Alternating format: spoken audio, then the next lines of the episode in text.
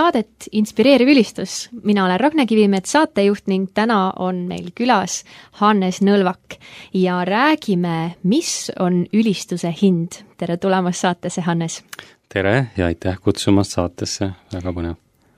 Ma tean, et sinu kogemus ülistajana on tegelikult päris pikk ning selle tõttu sa siin täna istudki, et sa oskad rääkida äh, vaadates tagasi ja vaadates edasi ka, et äh, mis, mis see ülistuses teenimine siis tegelikult maksma võiks minna, et võib-olla tood saatekuulajale mõned, mõned näited, et kus sa, kus sa teeninud oled või kus sa täna teenid? jaa, noh tegelikult eks see, see teema on ju nii suur, et, et ma siia sõites mõtlesin üldse, et mis see hind on, et äh, tuli kuidagi, läksin oma noorusesse tagasi päris alguses, see võib-olla on nagu sissejuhatuseks, aga aga see hind alguses oli mul see, et ma mäletan, kui ma koguduses tahtsin, ma ei tea, kas just koguduses teenima hakata, aga olin üheksateistaastane, kui ma ostsin endale esimese arvuti, aga enne arvutit oli veel mul helikaart ostetud ja ja ma mäletan seda, et arvuti maksis kaks kuupalka, minu kuupalka, noh, see oli mul natuke üle keskmise kuupalk ja kaks kuupalka, helikaart oli üks kuupalk, et see oli nagu esimene niisugune suur ohver, mis kohe tuli nagu teha, et, et tegelikult see, et üldse midagi alustada, oli nagu nõudis päris, päris palju. aga noh, ilmselt on see, et äh, paljudel nagu noort, noorel inimesel ikka, et eks see, see tahe ja see, see soov või see huvi on nii suur, et alguses ei mõtle võib-olla sellele, et mis see maksab, et sa lihtsalt nagu kohe alustad õhinaga, oled valmis kogu oma aja, kogu oma ressursid, kõik, mis sa oled kogunud, kõik nagu sinna panema. aga ma saan aru, et see küsimus pigem on praegu nagu mõeldud niimoodi, et mida tähendab võib-olla hetkeseisus see, et kui, kui, kui lihtsalt kas või minna teise kogudusse välja näiteks, et, et mingisuguse pundiga, bändiga, et, et mida see nagu tähendab tegelikult, et et, et, et siis siin on nagu hästi palju selliseid erinevaid nagu faktoreid, et noh, inimesed on tõenäoliselt ka väga erinevas eluetapis, et, et osad, kes on nõus rohkem panustama niisama vabatahtlikult muusikasse, osad, kes on juba võib-olla nii palju seda kas teinud või, või nad on jõudnud nagu kuhugi sinnamaale, kus tekib nagu see piir hoopis, et, et ta, ta ei jõua kõike, mis ta tahaks ja siis tulevad teistsugused valikud ja siis ta hakkab nagu tajuma seda hinda võib-olla rohkem. aga nüüd, et kus mina täna olen teeninud, et eks põhiliselt ikka teenin, kas just põhiliselt, aga nagu ma arvan, paljud, et oma koguduses pluss siis kuskil veel, minu kogudus on eh, Kohila kogudus, kus ma täna teenin. jah, ja seal on, ma ütleks, et minu koormus niisugune piisav, et, et ei tunne, et oleks nagu ära väsitatud mm. -hmm ja samas tegelikult sul on kogemus ka PP bändina, äh, bändis oled aastaid tagasi juhtinud, äh, samas oled sa ka külalisena käinud väga erinevates kohtades äh, kogudustes ja samas ka sellistel suurematel kogunemistel, on ju, et ma arvan, et sa oled päris hea inimene sellest hinnast siin rääkima. just hetk tagasi, enne kui mikrofonid sisse lülitasime, ütlesid sa ka, et see on ka sinu täna igapäevane töö, sa oled organisatsioonis juht, sa kalkuleerid kokku inimeste tunniarvud ja tegelikult sellega siis seotult ka eh, finantsilised kulud ja tasud, on ju, et eh, minu arvates eh, just õige inimene õiges kohas täna meile rääkima sellest sisemaailmast muusikatöös ka. Aga ütle alustuseks äkki ka seda, et mis täna, sa ütled, et sinu koguduses teenimine on sinu jaoks täna piisav, et, et ei võta läbi, et aga maksab see sulle siis üldse midagi? Siin on nüüd eks igaühe enda võib-olla selline, kuidas keegi nagu otsustab oma, oma aja üle, igaüks teeb ise oma sisemised otsused. et mina ise olen nagu nii, ma arvan, et enamik või väga suur osa inimestest on valinud niimoodi, et, et, et oma kogudus on see koht, kus me panustame eh, selliselt, et me ei oota sealt nagu midagi tagasi, vaid me pigem nagu anname, vähemalt mina olen niimoodi mõelnud, et see on see koht, kus ma olen nõus andma ja siis ma hindan ise ära, et kui palju ma suudan sinna oma nii-öelda aega ja tunde panustada selliselt, et ma kuskilt nagu ennast läbi ei küpseta selliselt, et kas pere või, või mingi muu nagu, või töö kannataks. eks seda piiri nagu igaüks peab siis ise kuidagi tajuma nii hästi, kui ta siis oskab tajuda, et, et osad oskavad paremini, osad vähem, aga ma, mina isiklikult jah, olen nagu püüdnud seda siis seal kuidagi hoida, et, et sellisel sellisel tasemel, et, et see on see koht, kuhu ma külvan, kuhu ma investeerin nii-öelda oma aega ja, ja ma ei oota sealt, et keegi nagu midagi ütleks, et või, või midagi nagu selles mõttes vastu annaks, et ma ei oota nagu sellist. ma kujutan ette, et sinu puhul, et, et sa oled teeninud väga erinevas kaalus, vahel oled teeninud rohkem, vahel oled teeninud vähem, et kui sa nii mõtestatud pead enda töö juures seda tegema,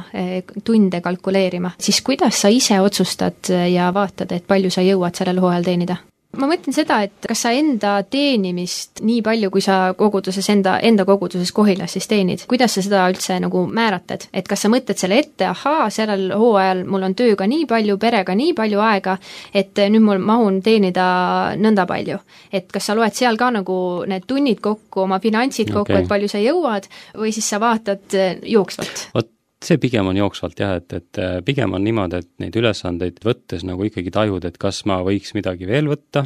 kas äh, ma tunnen, et ma jaksan rohkem panustada või ma tunnen, et mul on paras,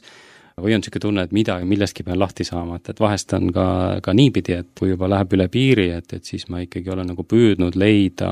leida siis inimesi, kes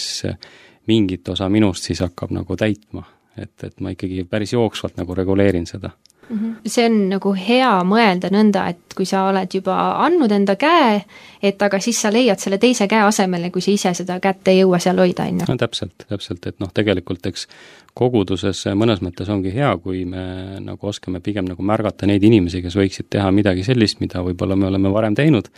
aga, aga me ei pea seda ise tegema, kui on äh, uued liikmed, uued inimesed, noored, võib-olla keegi, kes äh, see on üleüldse tegelikult, ma saan aru, üks juhtimise, vähemalt minu jaoks üks printsiipe, et tegelikult on hea, kui kui me leiame endale asenduse, et, et see on üks meie missioon ja mina võtan seda samamoodi missioonina. kui tihti sa täna tegeled sellega, et uusi inimesi peale tuua? Äh, eks see on ka jooksev töö, et äh, mul on tohutult hea meel, et äh, vähemalt oma koguduses on meil küll niimoodi, et meil on selline muusikameeskond või tiim ja sinna ikkagi püüame äh, aeg-ajalt siis näha, et kes äh, uutest inimestest võiks liituda, kes võtaks vastutuse mõne teenistuse eest ja, ja noh, eks palju oleme panustanud loomulikult, nagu ikka öeldakse, noortesse, et, et noored teenivad, meil oli hiljaaegu esimest korda, kui siis sellised teismelised äh, sisustasid mitte ainult muusika, vaid noh, terve, terve teenistuse meil ära, et nad olid sellised viisteist, kuusteist, mõned vanemad, ütleme, kes sõnumit jagasid, seal olid veidi vanemad, aga aga, aga seda on nagu vahva näha, et pigem luua siis see keskkond, kus, kus nad tunnevad, et, et noored ka ja uued, et nad on nagu oodatud, nende panus on oodatud, et nad tunneksid, et nad on nagu täieõiguslikud liikmed ja nendega arvestatakse. millal on järgmine kord, kui sa, kui sa teenistusel koguduses kaasa teenid? ma pean vaatama kavast, ma arvan, et see on äkki detsembri alguses kuskil mm, -hmm. et enam-vähem on ühtlaselt jaotunud äh, vastutajate vahel see koormus oma koguduses niimoodi ära, et noh, kuskil kahe-kolme kuu tagant saab nagu ring peale. et äh, meil on umbes kümme vastutajat ja, ja siis äh, nii ta läheb. mis ei tähenda seda, et, et, et me ei teeni, et ma nüüd nii harva nüüd koguduses teeniksin, et, et ma lihtsalt vastutuse võtan küll, äh, küll võib-olla harva, aga samas olen väga palju nagu aitamas ja toetamas teisi, kas siis pillimängu või millegi muuga. millal sa alustad siis ettevalmistusega? Oi, see on hea küsimus, see, see sõltub hästi palju, mida me teeme seal, eks ma ikka püüan efektiivsemalt läheneda asjadele, et mõnikord on mitu, mitu käiku erinevates kogudustes näiteks, et siis ma proovin peaaegu et võib-olla sama, sama programmiga nii-öelda mitu asja korraga, et, et eks see sõltub. kui pikk paus on, siis natuke rohkem vaeva, aga kui ta läheb nagu ühe soojaga, siis siis ettevalmistus tihti mõnikord on vaja, aga mõnikord isegi, et, et saab ilma mm. -hmm. Nähes sind vahel teenimas, siis äh, ma ei ole sind vist kordagi näinud, et sa lähed üksinda. Äh, ja ma eeldan, et sa oma koguduses ka, et sa räägid siin noorte kaasamisest ja teiste tegijate kaasamisest, et see on alati bänditöö. et üksinda oleks ju lihtne, et äh, homme teen ja täna teen proovi ja jaa, see ongi, ma vahest isegi nagu kadestan kõnelejaid, et mõned üksikud korrad, kui ma olen siis ka käinud nagu kõnelemas kuskil väljas ja siis see on olnud minu jaoks selles mõttes tohutult lihtne, et võrreldes muusikaga, kus pean ise lugema, uurima ja siis lähed põhimõtteliselt kätt, kaks kätt taskus ja, ja, ja, ja ongi kõik et kui muusikaga teenimine, noh, me teame, kes me oleme seda teinud, et, et see on ikka, algab äh, vahest inimeste veenmisest isegi ja, ja, ja lõpetades siis kõige selle muuga, mis, äh, mis on seal vaja katta, et, et lõpetades tehniliste nüanssidega, et, et seal on nagu päris, päris palju energiat, ütleme, läheb ka kordades-kordades rohkem. mis kõige rohkem energiat võtab? Äh, ilmselt siin on ka, sõltub, minu jaoks vähemalt sõltub sellest, et millega on tegu, et kui sa siin mainisid, ma ei saa üle ega ümber piiblipäevadest näiteks, seal ei ole vaja ilmselt väga palju tööd teha inimeste veenmisega. kuna enamik inimeste jaoks, enamike inimeste jaoks on see piisav väljakutse või mitte ainult väljakutse, vaid soov ikkagi seal olla, et see on ikkagi niisugune äh, noorte jaoks aastasündmus ja üldse, kui me räägime mingitest suurematest üritustest, siis seal pigem see energia kulub siis sellistele väga suures mahus niisugustele tehnilistele asjadele ja noh, võib-olla natuke kontseptsioonile inimesed saab suht kergelt sellistesse kohtadesse, aga pilt muutub kohe, kui ei ole suuri prožektore, et siis on, siis on hoopis teistpidi see asi, et siis võib-olla on, on keerulisem inimesi saada ja, ja noh, kuigi tehniliselt on kõik palju lihtsam, aga see, selle, selles mõttes lähebki see energia natuke erine-, erinevatesse kohtadesse, sõltuvalt sellest, millega tegu on. no korra võiks peatuda sellele, et mi-, mis sa arvad, millest see tuleb? Et äh, prožektorid mõjutavad meid jah ütlema, kui neid ei ole, siis kaalume rohkem. No see on hea küsimus ja igaüks võib iseenda sisse vaadata, et millest see tuleb, et, et, ega me oleme inimesed ja, ja inimestena võib-olla ikkagi on paratamatult seda, et me võib-olla tahes-tahtmata kipume eelistama sellist võib-olla tuledes ära rohkem, eriti kui me nooremad oleme ja vanemas eas hakkad võib-olla väärtustama mingeid muid asju, aga ma ütleks, et see on äkki puht inimlik joon ja noh, samas samas seal võib ka väga selge see olla, et, et kui me räägime professionaalsetest pillimeestest, siis tegelikult eh, ega nad on ju lihtsa valiku ees, et nad peavad eh, ühe võtma, teise jätma. ja millega põhjal tuleb see valik teha, et see võib olla ka see, et võib-olla suurem sündmus ikkagi mõjutab suuremat hulka rahvast, võib-olla see, see ongi mingis mõttes võib-olla suurema kanne, kandepinnaga ja kui sa oled nagu professionaalne muusik, keda võib-olla tahetakse igale poole ja, ja siis, siis sul tuleb need valikud teha millegi põhjal. seda on võib-olla huvitav küsida nüüd see niipidi, et, et kui pillimehena, et kui on nagu kutse, et mille põhjal ta siis nagu valiku teeb, noh, ma usun, et seal on ka lisaks sellele, kas ta on suur või väike üritus, ma usun, et seal on ka ikkagi see, et äh, vaadatakse ikkagi, et äh, mis tundub huvitavam ja meelepärasem projekt kas või stiililiselt või, või seal on niisugused nüansid ka. Vahel on ka see argument loomulikult, et kui me räägime jälle sellest, et inimestel aeg on piiratud ja, ja, ja elukutseline muusik, tal on vaja ikkagi pere toita, et siis vahel võib olla loomulikult ka see kaalukeeleks siiski, et, et ta peab millestki tasulisest loobuma selle nimel, et, et teha, teha tasuta nii-öelda tööd. et, et või mõnikord ka see et eks neid argumente või need, neid on erinevaid. ja ei ole harv nähtus, et inimesed võtavadki endale tasuta puhkepäeva nii-öelda töö juurest, et, et oleks võimalik teha ülistuse jaoks proovi, et oleks võimalik reisida kohale ja teenida, eks. et aga tuleme korra tagasi selle oma koguduses juhtimise juurde, et mis see umbes ajakulu on, et enda koguduses teenida ühel pühapäeval siis? Jah, et see on, see on selles mõttes huvitav, et äh, sa mainisid ka, et ma tegelikult oma töös hästi palju nagu panen numbreid kokku ja, ja mulle tegelikult meeldib arvutada, mängida niisugust mängu, et oletame, et me oleme justkui tavatööl, et me käime, me kulutame aega, meile selle eest makstakse palka, et kui näiteks ma tegin mõned niisugused lihtsad kalku-, no kas või lihtsad kalkulatsioonidki, et oletame, kui me peaks nagu aja kokku lugema, et mis me pühendame ühele tavale teenistusele, too mingid keskmised arvud, näiteks et me teeme kaks proovi, prooviaeg on näiteks äh, kaks tundi, näiteks seal on neli inimest,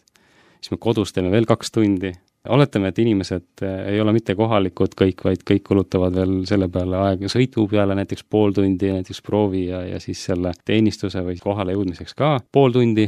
ja sündmus ise näiteks kolm tundi, noh, võtame kokku, et ikkagi ta ju ei, ei mängi ainult oma pilli, vaid ta on terve selle, selle aja seal. Soundcheck läks juba sisse? no näiteks jah, paneme selle sisse, siis ongi kolm tundi enam-vähem, noh, niisugune, see on lihtsalt niisugune näidisnumbrid, lihtsalt lõin kiiresti kokku, siis tuleb, et inimese kohta siis ta on kulutanud äh, üks inimene kümme pool tundi. neli inimest on nelikümmend kaks tundi, mis teeb siis äh, ütleme niimoodi, et ajalises mõttes siis nädala, töönädala maht nagu. et, et see on niisugune lihtsalt mingid näidisnumbritega, neid numbreid saab muuta, ma alati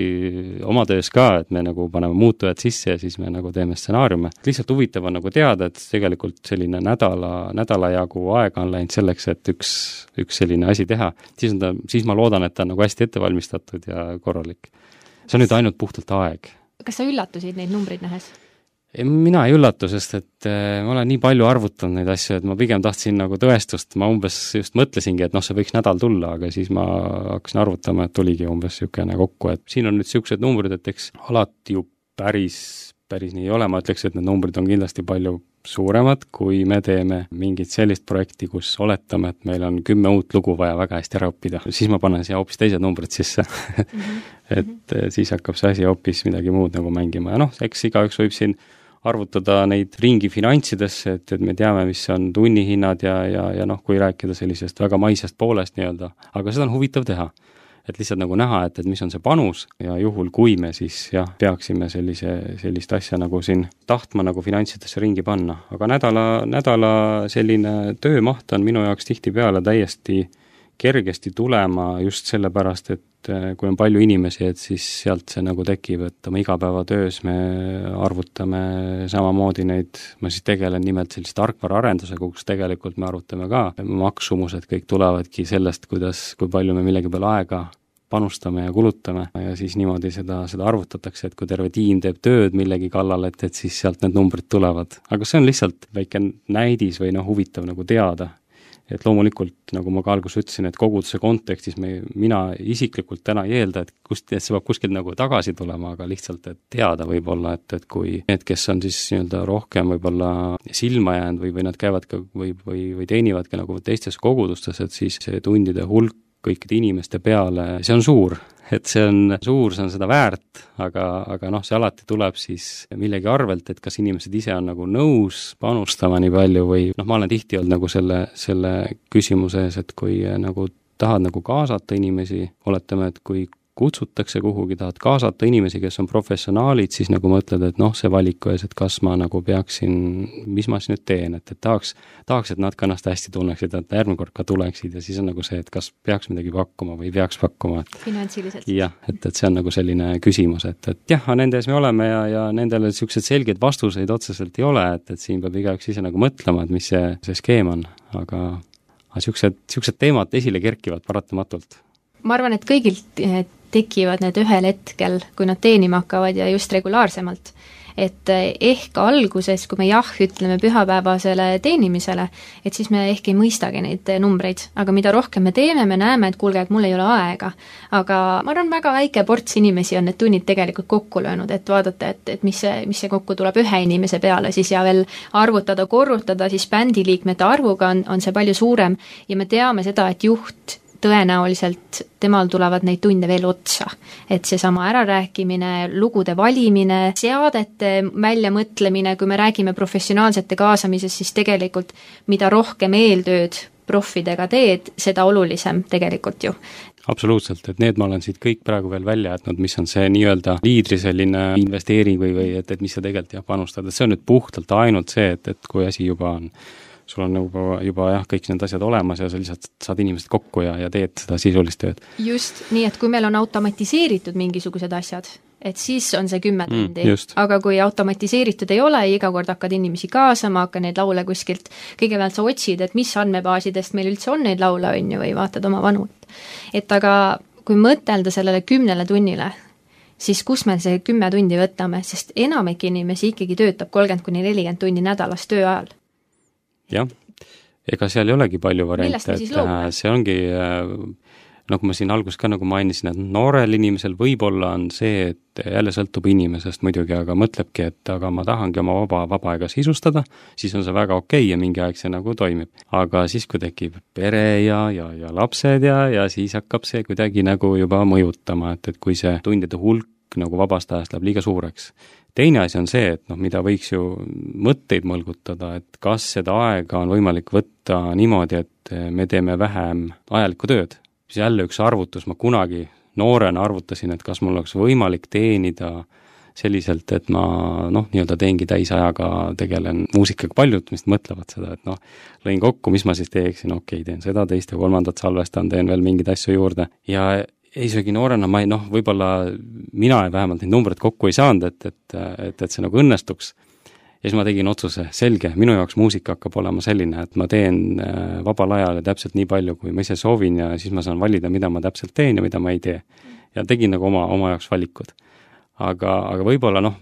mingil ajal kõik võib-olla niimoodi päris täpselt ei, ei, ei mõtle võib-olla noorena, et siis ongi see, et see kas siis näpistatakse kuskilt,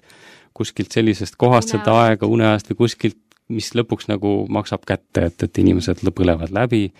nad mingi aeg teevad suurtes projektides ja siis mingi hetk ütlevad, et mitte kunagi ei soovi enam teha niisuguseid asju. tasub neid hoida, et mitte nagu ära ka kurnata, et, et ikka selles mõttes peab silma peal hoidma, et võib-olla kui mõned võib-olla, kes oskavad piiri panna, aga osad, kes ikkagi teevad, teevad nii kaua, kuni ära kustuvad, et eks, eks sealt seda näpistatakse küll jah, sealt sellest kohast, kust võib-olla võiks, võiks mitte teha ma arvan, et see, et me juba räägime sellest täna siin saates, võiks aidata ka mõista, et mis, mis see hind on, et millest me loobume, et tegelikult teenida Jumalat ja sealt tõepoolest saab palju tagasi ka, eks. et aga, et see ei ole niisama, et mul oli aega üle ja siis ma andsin selle kuskile või et, et siin võib rääkida ka kutsumusest. no täpselt, tegelikult selle juurde, sellest me ei olegi rääkinud, et, et tihtipeale ka see põlemine võib tekkida ka selle tõttu, et me tegelikult ise võib-olla ei tea, miks me seda teeme või, või miks miks me sellesse panustame, et kui me tuleme ikkagi selle kutsumuse juurde, siis võib olla ikkagi see, et me tihtipeale me arvestame sellega ja, ja kui me peres tegelikult nagu oleme veendumusel, et, et see on, see on kutsumus, me oleme nõus siia panustama ja me teame, et, et me saame selle tagasi mitmekordselt teistmoodi, siis see ongi vastus tegelikult sellele, et, et, et noh, ka, ka, ka ma ise tegelikult oma aega, ma loomulikult ma tean, et ma olen nõus mingi osa selliselt panema, kus ma ei oota, nagu ma ütlesin, ma ei oota tagasi midagi, vaid et see on, kus ma tean, et jumal, jumal tasub, nagu öeldakse, taevast tasu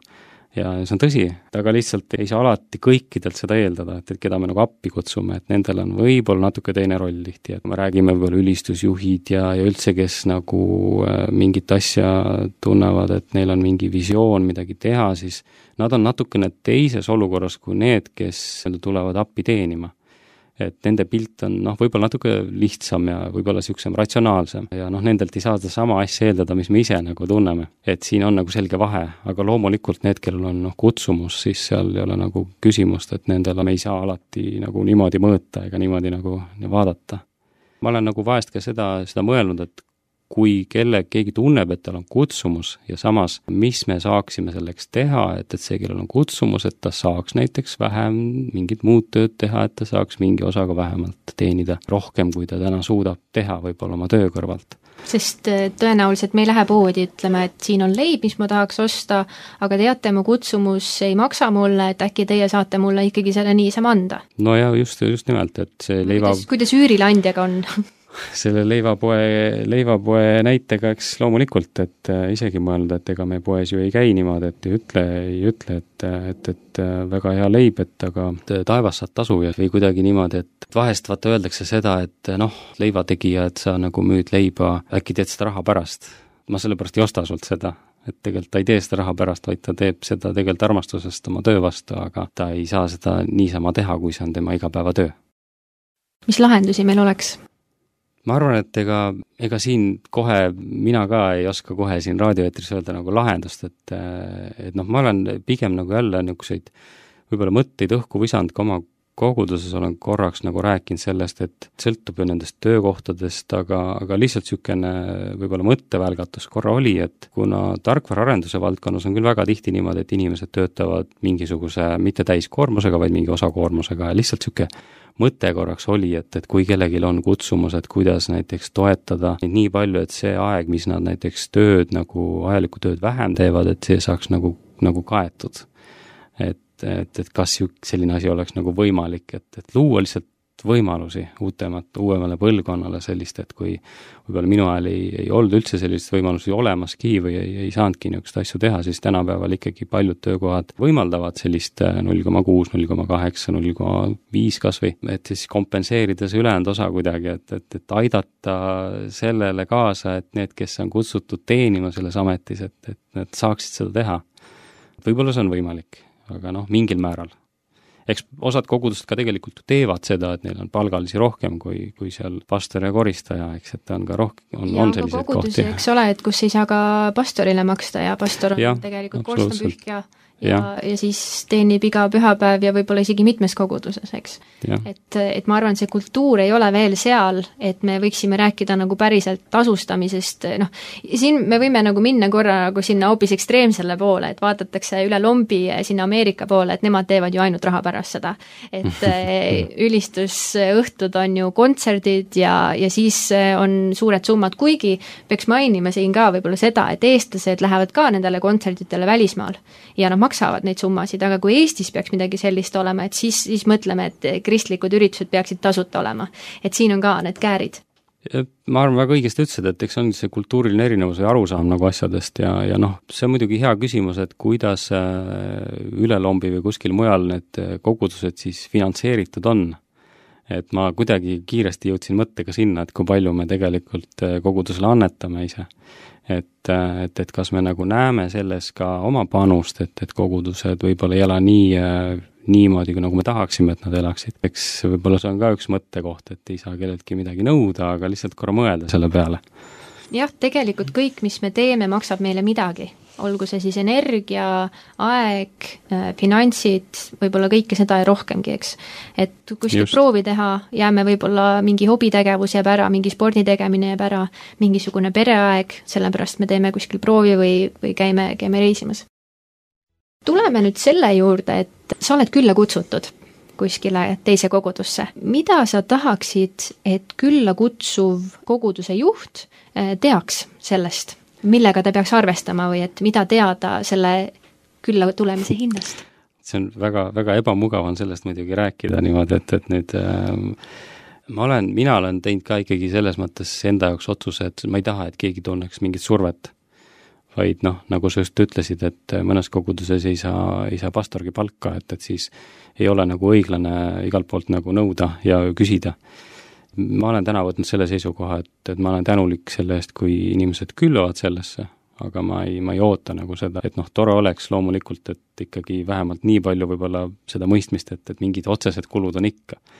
aga, aga kogudused ongi hästi erinevad ja ma ütleks, et noh, täitsa seinast seina on ikkagi, et äh, ma ei taha jah, midagi nagu, midagi nagu selles mõttes öelda, et ma nagu ootan, et noh, muidugi on tore, kui rohkem inimesed mõistavad, äh, nagu me rääkisime nendest üldse, nendest kuludest, mis puudutab, äh, mis puudutab muusikakollektiivide tegemist, et seal on nagu igasugust noh, palju-palju niisugust tööd ja, ja, ja, ja, ja aega. võib-olla peavad suuremad kogudused toetama väiksemad, ma ei tea. Nendest asjadest võib-olla teavad teised paremini rääkida, praegu ma tean ka, et kogudused toetavad toetavad liitu, eks ju, kuidagi, et, et kas see on mingi liidu teema või et näiteks kutsutakse külla ühteid samasid kollektiive, kas on mõistlik üldse kuidagi rahastada ühest kohast neid aeg-ajalt toetada, mitte kogudused ise, vaid me eeldame, et niisugused noh, liikumised ühest teise, et see ongi nagu kuidagi üleselt kaetud või noh, mingi süsteem luua. Mhm. no see vajab, ma arvan see vajab natukene rohkem jah, sellist äh, rohkem inimesi siia laua taha. rohkem inimesi laua taha, et, et mõelda, et pannagi, et näiteks kulud on sellised, et noh, kas on mõistlik nii teha, et meil on teada mingisugused kollektiivid, kes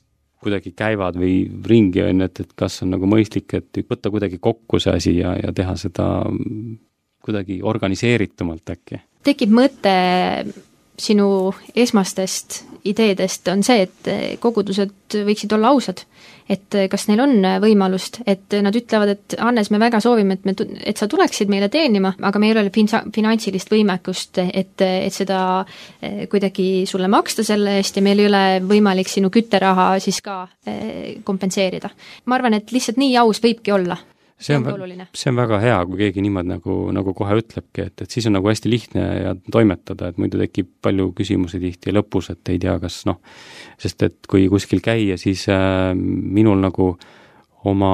bändiliikmetega ikka tekib nagu see küsimus, et noh, et kas, kas, mis ja, ja ma pean ikka klaarima midagi, et, et kas nagu äh, oli see niisama või, või midagi nagu toetati ka, et, et nii et ma kuulen siin, et sa maksad vahel peale, et sa võiksid käia koos bändiliikmetega? jaa, ma olen ikka seda teinud, et ma olen seda, see on samamoodi olnud minu otsus, et kunagi üks hea sõber, klahvimängija, ütles nii hea lause, et kui kuskilt jääb saamata, et, et ei, siis jumal hoolitseb selle eest, et kuskilt teisest kohast see tuleb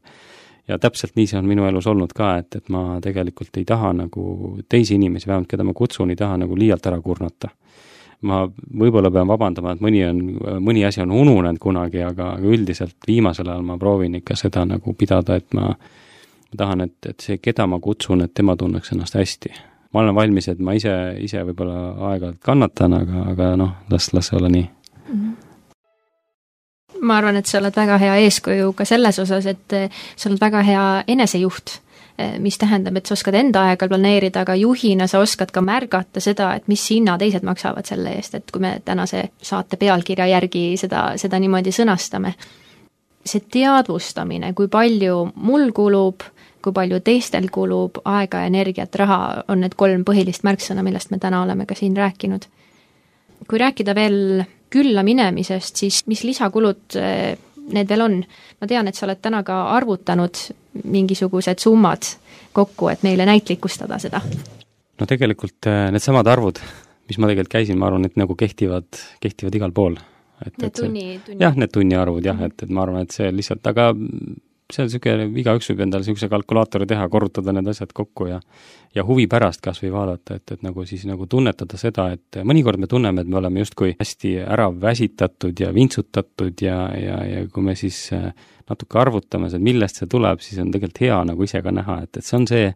mis me oleme tegelikult äh, teinud ja see on, see on normaalne, et me tunneme ennast väsinuna ja et, et me saame täpselt igaüks oma, oma neid tunde kokku lugeda aga ehk oleks võimalik ennetada seda väsimust, mõeldeski ette ära, et mis on see ootus äh, minule ja mis on need oodatavad tunniarvud tegelikult, mis ma sinna sisse panen mm. -hmm. no seda saab et, enne niimoodi tehagi, nagu ma praegu ka tegin, et, et ma eeldan, et nii, mul on nii mitu inimest, ma teen nii palju proove, ma, ma arvan, keskeltläbi proov läheb nii kaua, sest proovi pikkus võivad ka erinevad olla, kas inimesed on ette valmistanud või ei ole ette valmistanud ja, ja kui palju lugusid on ja ja kui me need numbrid kõik paneme, siis me, ma loodan, et igaüks, kes on koolis matemaatikat õppinud, et siis ta saab need kokku arvutada ja ja nii palju saab küll tõesti selle, selle juba juba ette ära arvutada, et, et panedki need tegevused järjest ritta ja, ja